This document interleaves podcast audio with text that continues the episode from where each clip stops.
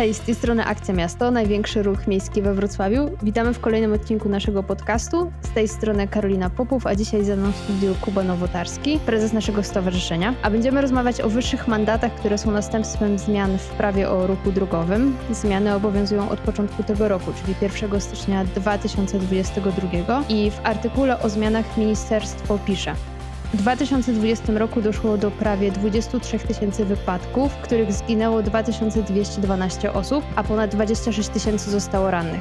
To mniej niż rok wcześniej, nadal jednak zbyt dużo. Zmiany w mandatach, o których dzisiaj będziemy rozmawiać, wprowadzono po raz pierwszy od 1998 roku.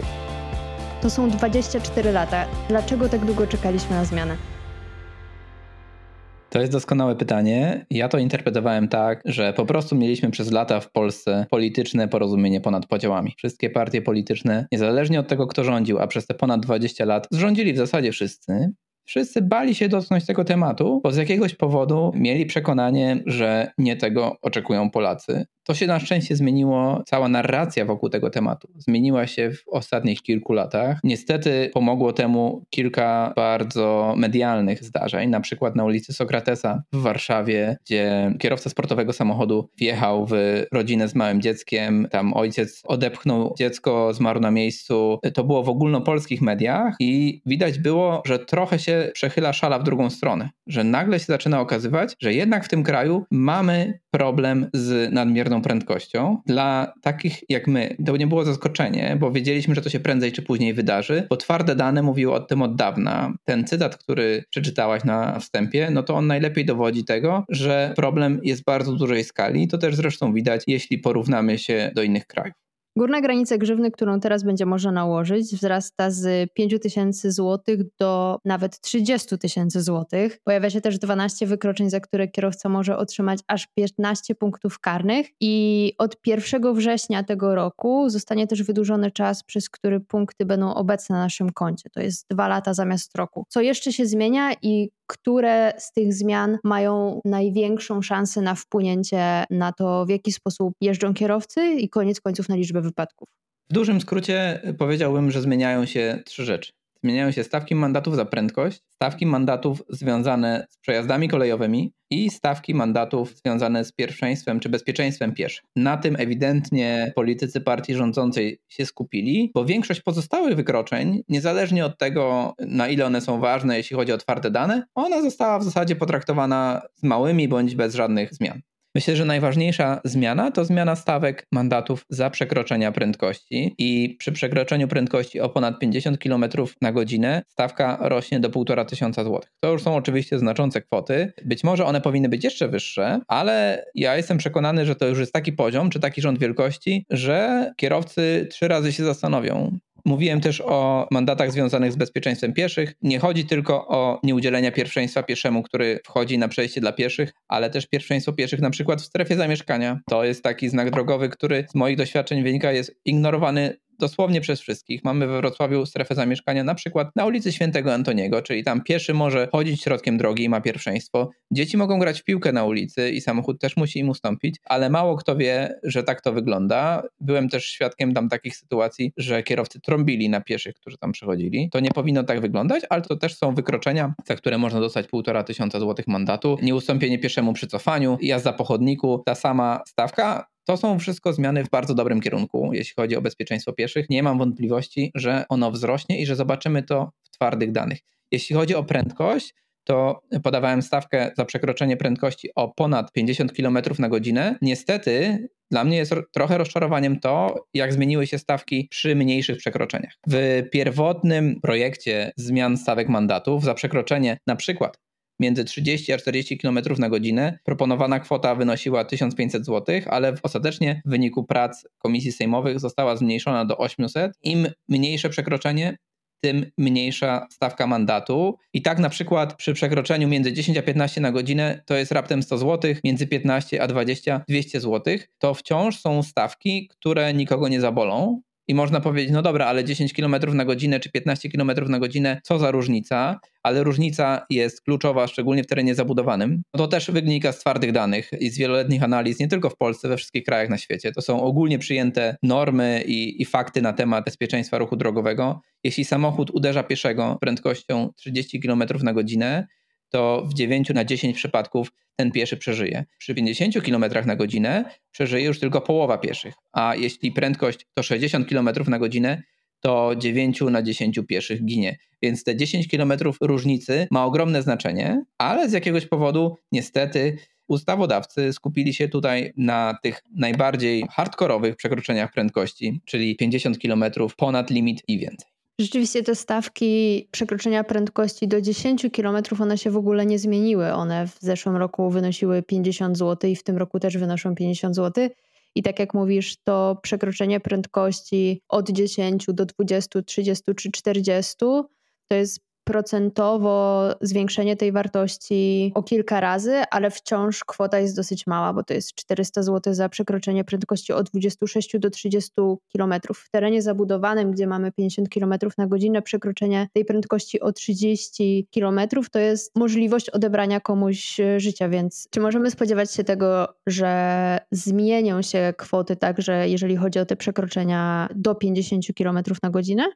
Ja bardzo na to liczę. Też widzę nadzieję w tym, że kiedy Sejm ostatecznie głosował zmiany tych stawek mandatów, to prawie wszystkie partie polityczne zagłosowały ostatecznie za, mimo że w trakcie dyskusji były różne głosy z różnych stron, kwestionujące sens i bazujące na nieprawdziwych stereotypach. Nagle okazuje się, że tak jak mieliśmy przez te dwadzieścia kilka lat porozumienie ponad podziałami, żeby nie dotykać tego tematu w ogóle, to nagle mamy odwrotne porozumienie ponad podziałami, że tak, trzeba podnieść stawki mandatów. Myślę, że y, politycy też zrozumieli, na czym ten problem polega i wielu z nich będzie mówiło sprawdzam czy ta zmiana w prawie przynosi wystarczająco skuteczne zmiany.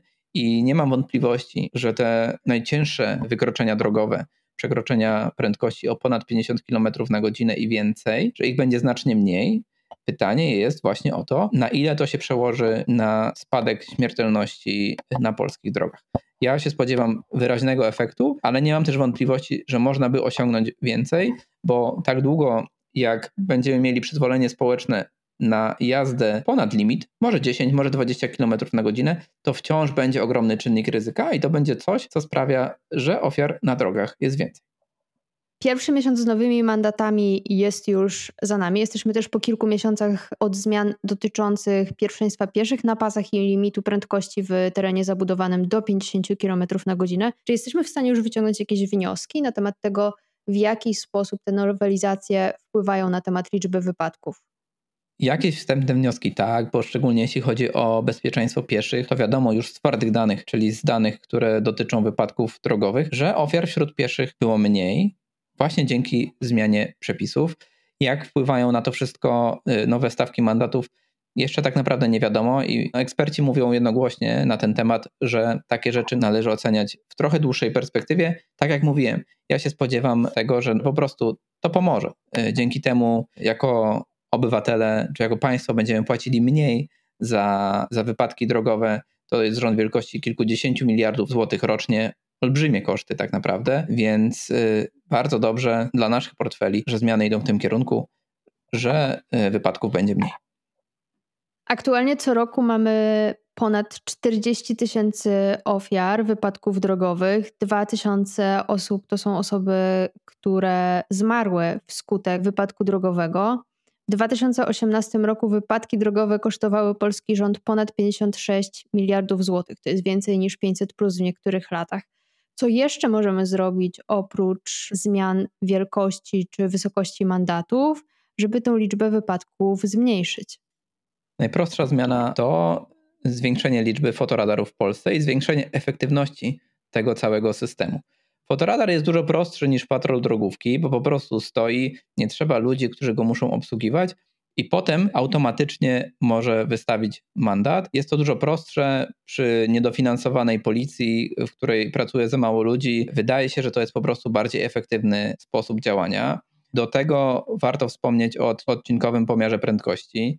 To jednoznacznie weryfikuje z jaką prędkością jechał samochód. Nie ma żadnej dyskusji na temat tego, czy urządzenie mierzyło dokładnie, jaka jest tolerancja błędu itd., tak itd., tak bo wiadomo, jak długa jest droga do pokonania, wiadomo, jak zmierzyć czas, więc średnia prędkość jest bardzo prosta do wyliczenia i nikt z tym nie będzie dyskutował. A jeśli wziąć pod lupę właśnie odcinki, to nie będzie takich sytuacji, że jedzie sznur samochodów, wszystkie zwalniają na przykład z 70 do 50 na godzinę, bo najpierw jest znak drogowy, potem jest wielka żółta skrzynka, którą widać z daleka, a potem wszyscy z powrotem przyspieszają do 70 na godzinę i jadą przez ten teren zabudowany, przez kolejne przejścia dla pieszych. Jest to kwestia właśnie skuteczności działania. Mieliśmy też bardzo złą zmianę jakiś czas temu w kraju, gdzie fotoradary zostały odebrane strażom gminnym. Straże miejskie mogły same kontrolować prędkość. To było też narzędzie poprawy bezpieczeństwa ruchu drogowego. Było wokół tego dużo kontrowersji, ale były też potem raporty po wprowadzeniu tych zmian, które pokazywały, że w miejscach, gdzie fotoradary gminne zniknęły, chodziło o takie, które były zainstalowane na stałe, poziom bezpieczeństwa spadł. Nie jest to żadne zaskoczenie oczywiście, no ale dobrze, że ktoś to sprawdził, bo przynajmniej są na ten temat twarde dane, więc wydaje mi się, że jeśli celem politycznym będzie dalsza poprawa bezpieczeństwa ruchu drogowego, no to jak najszybciej również temat fotoradarów należy ruszyć. Ja bym poszedł wręcz jeszcze dalej, zrezygnowałbym z tego, że one są tak oznakowane, tak świetnie widoczne. No bo właściwie dlaczego mają być? Jeśli jest znak, że trzeba jechać 50 na godzinę, no to trzeba jechać 50 na godzinę, a nie tylko wtedy, kiedy z daleka widać żółtą skrzynkę. Wydaje mi się, że to, co też wpływa na możliwość rzeczywiście y, zmiany liczby wypadków, jeżeli y, mówimy tutaj o rozwiązaniu tego tematu przez fotoradary, to jest też y, fakt, że zmienia się kwota tego, jaki mandat można dostać za niewskazanie sprawcy w momencie, kiedy dostaje się mandat z fotoradaru. Dotychczas było to do 500 zł, więc nie jest to duży koszt, szczególnie jeżeli mówimy o wyższym mandacie. Natomiast teraz sąd jest w stanie nałożyć nawet kwotę do 30 tysięcy złotych. Mówiłeś na początku, Kuba, że kilka dużych wydarzeń, właściwie kilka dużych medialnych wypadków, które miały miejsce w ostatnich latach, wpłynęły na to, w jaki sposób e, kierowcy i w ogóle społeczeństwo patrzą na karanie mandatami za wykroczenia drogowe. Jaka jest reakcja po wprowadzeniu zmian? Jaka jest reakcja kierowców? E, jaka jest reakcja pieszych? Staraliśmy się szukać e, tego typu głosów e, i rzeczywiście parę takich dyskusji w internecie wyłapaliśmy, gdzie wiele osób odnotowywało, że nagle wszyscy zaczęli jeździć spokojniej. Że przede wszystkim zniknęła brawura, że raczej wszyscy trzymają się limitów prędkości to są oczywiście dowody anegdotyczne, y, że ja jechałem tą drogą i akurat tak było. Nie znaczy, że tak jest w całym kraju, ale to i tak są bardzo obiecujące i dające nadzieję sygnały. Oby to zostało z nami jak najdłużej, tak naprawdę. I zresztą wcale mnie to nie dziwi, bo jednym z efektów wysokości stawek mandatów jest to, jak ludzie się będą zachowywali na drodze. To nie ma być kara, to ma być też zachęta do tego, żeby jeździć przepisowo. I wiemy z doświadczeń innych krajów, że takie zmiany, jak podnoszenie kwot mandatów, po prostu działają, więc tego typu komentarze w ogóle mnie nie dziwią. Co zmiany w prawie dotyczących mandatów mogą znaczyć dla Wrocławia? To jest bardzo ważny temat dla Wrocławia i wrocławian. My kilka lat temu mieliśmy spotkanie z urzędnikami, najważniejszymi urzędnikami odpowiedzialnymi za transport, i tematem tego spotkania było właśnie bezpieczeństwo ruchu drogowego.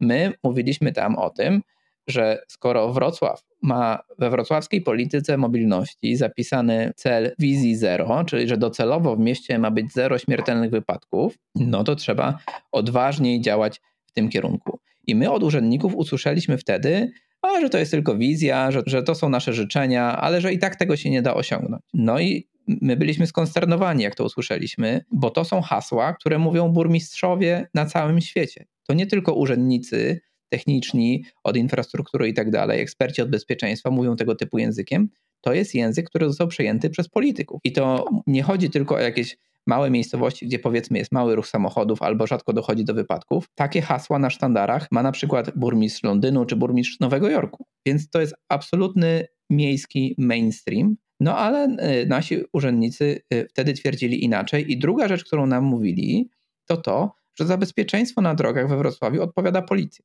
To jest nieprawda, bo to zarządcy drogi odpowiadają za bezpieczeństwo, tak mówi prawo w Polsce, czyli rzeczywiście cały wrocławski magistrat za to odpowiada, czy w zasadzie prezydent Wrocławia, To znaczy, my się umawiamy jako mieszkańcy Wrocławia, się umawiamy z prezydentem, że on będzie mądrze rządził miastem i w ramach tego też będzie mądrze zarządzał bezpieczeństwem ruchu drogowego. I taka psychologia była dla nas niezrozumiała. I to ma teraz kluczowe znaczenie, bo nagle urzędnicy nie mogą już użyć tego argumentu. Nie mogą zwalić na, na przykład na pierwszeństwo pieszych, którego nie ma, bo już jest, na, e, na problem prędkości, bo rząd rzeczywiście zrobił dużo, żeby coś w tym wszystkim zmienić. Teraz kluczowa staje się infrastruktura.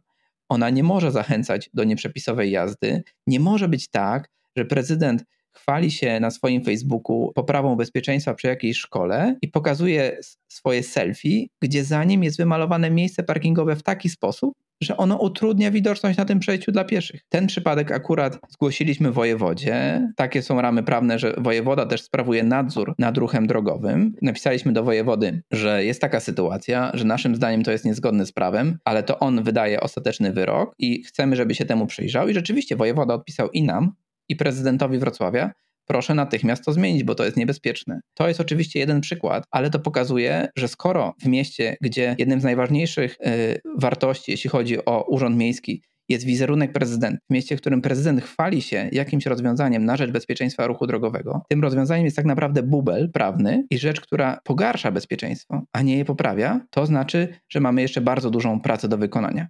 Inny problem to szerokie wrocławskie drogi, na przykład Legnicka, która ma pasy takiej szerokości, jak są na autostradzie, to również badania naukowe o tym mówią, że szersze pasy czy szersze drogi po prostu zachęcają do szybszej jazdy, prowokują w pewnym sensie do tego, żeby stracić koncentrację i jechać szybciej niż dopuszczalne w tamtym miejscu 50 km na godzinę. Nic dziwnego, że wrocławskie drogi są niebezpieczne. I teraz kluczowe to jest tak naprawdę nie tylko nie, nie dla nas aktywistów, nie dla pieszych. Przede wszystkim to jest kluczowe dla kierowców. Wrocławscy kierowcy płacą najwyższe OC w Polsce. Płacą je dlatego, że ubezpieczyciele w taki sposób liczą stawki OC, że patrzą na to, ile było zgłoszonych szkód w danym powiecie. Skoro we Wrocławiu te szkody były średnio rzecz biorąc najwyższe, no to średnio rzecz biorąc wrocławianie muszą płacić najwyższe stawki mandatów. Czy wrocławianie jeżdżą najgorzej w kraju? No ja bym się nie odważył tak powiedzieć i wydaje mi się, że to jest po prostu nieprawda, ale być może mamy najgorzej zorganizowany ruch drogowy w Polsce i najniebezpieczniejsze drogi. Tak jak mówię, ogromna praca do wykonania przed urzędnikami, przed prezydentem, żeby wreszcie bezpieczeństwo ruchu drogowego w sensie infrastrukturalnym stało się realnym priorytetem.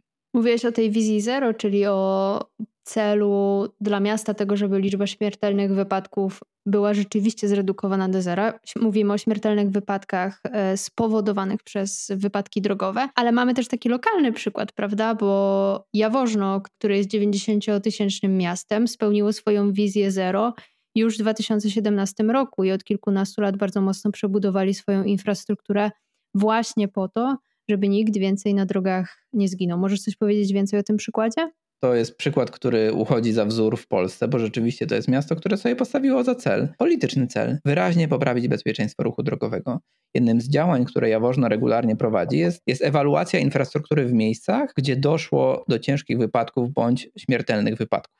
Jeśli w Jaworznie dochodzi do śmiertelnego wypadku, oni analizują dane miejsce i domyślnie je przebudowują. O takim podejściu też rozmawialiśmy z urzędnikami, analizowaliśmy sami takie miejsca zresztą, gdzie dochodziło do śmiertelnych potrąceń pieszych lub rowerzystów. Pisaliśmy potem wnioski do urzędu, mówiliśmy, że tutaj była taka sytuacja, że trzeba to miejsce przebudować i niestety nie we wszystkich przypadkach, o które wnioskowaliśmy, urzędnicy się z nami zgodzili. W niektórych mówili, że no to owszem, było na przykład jedno śmiertelne potrącenie albo była trójka ciężko rannych, ale nie uważamy, że coś trzeba zmienić, bo wszystko jest zgodnie z prawem.